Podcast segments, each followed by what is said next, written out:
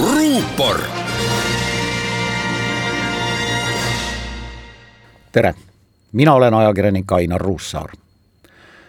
vastutuse võtmine on tagajärgede kandmine oma tegude või tegemata jätmiste eest.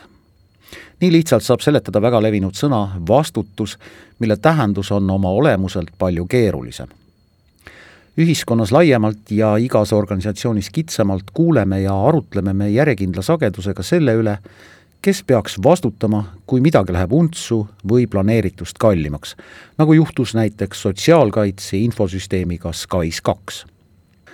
jaanipäevaaegne õnnetus Terviseameti ladudes, kus temperatuuri tõusu tõttu tuli maha kanda sada tuhat erinevat vaktsiini, pani meid taas rääkima või vähemalt mõtlema vastutusest poliitilisel opositsioonil kuulugu selle ridadesse siis ükskõik milline parasjagu mitte võimul olev partei, on vastutusega mängimine lihtne. kas või selles mõttes, et võimulolijad vastutavad kõige eest, mis riigis hästi või halvasti, opositsioon vastutab paremal juhul ainult oma sõnade eest, nii see lihtsalt on. kes siis vastutab? kõige lihtsam on süüdlast leida loodusest muidugi oli süüdi soe ilm, millega ilmselt kaasaegse tehnoloogiaga kaasas käivad ülipeened andurid ja hoiatus- ja teavitussüsteemid ei osanud arvestada. kahekümne kolmandal veebruaril, mil Tallinna tänavaid kattis totaalne jäine libedus ja haiglate erakorralise meditsiini osakondadesse luumurdudega sattunud inimeste arv kolmekordistus, oli samuti põhjuseks ilm. ilma ei saa paraku vastutusele võtta ja vabandama sundida ja ikkagi, vastuseta on küsimus, kes vastutab. on see kogu valdkonda juhtiv poliitikust minister, tema tippjuhtidest alluvad, nende alluvad, vaktsiiniladusid haldav Riigi Kinnisvara Aktsiaselts või hoopis näiteks termosüsteemide tootja. sageli kõlab lausa anekdootlikult otsus moodustada vastutaja leidmiseks uurimiskomisjon.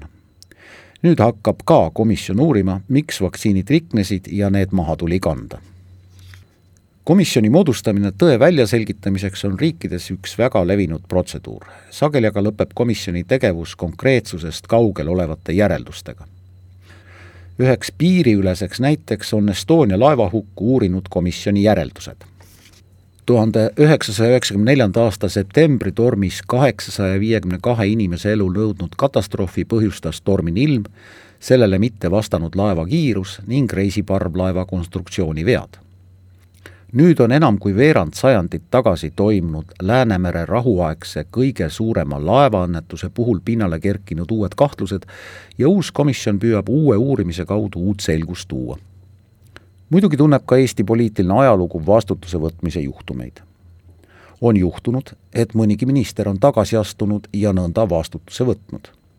aga see on olnud pigem erand kui reegel ja loomulikult ei saa ega tohigi iga juhtumit üldistada Nõukogude ajast pärit ütlusega, et kui koristaja varastab, siis minister vastutab.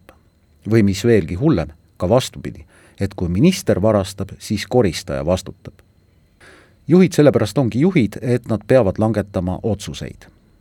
vahel ka ebapopulaarseid, nagu näiteks koondamisteadete jagamine või töötajate palga külmutamine või isegi langetamine või orkestritegevuse lõpetamine juhil peab olema oskus vigu tunnistada ja neid parandada. kui ta vigu ei tunnista ja neid siluda ei suuda, siis peab juht kõrvale astuma.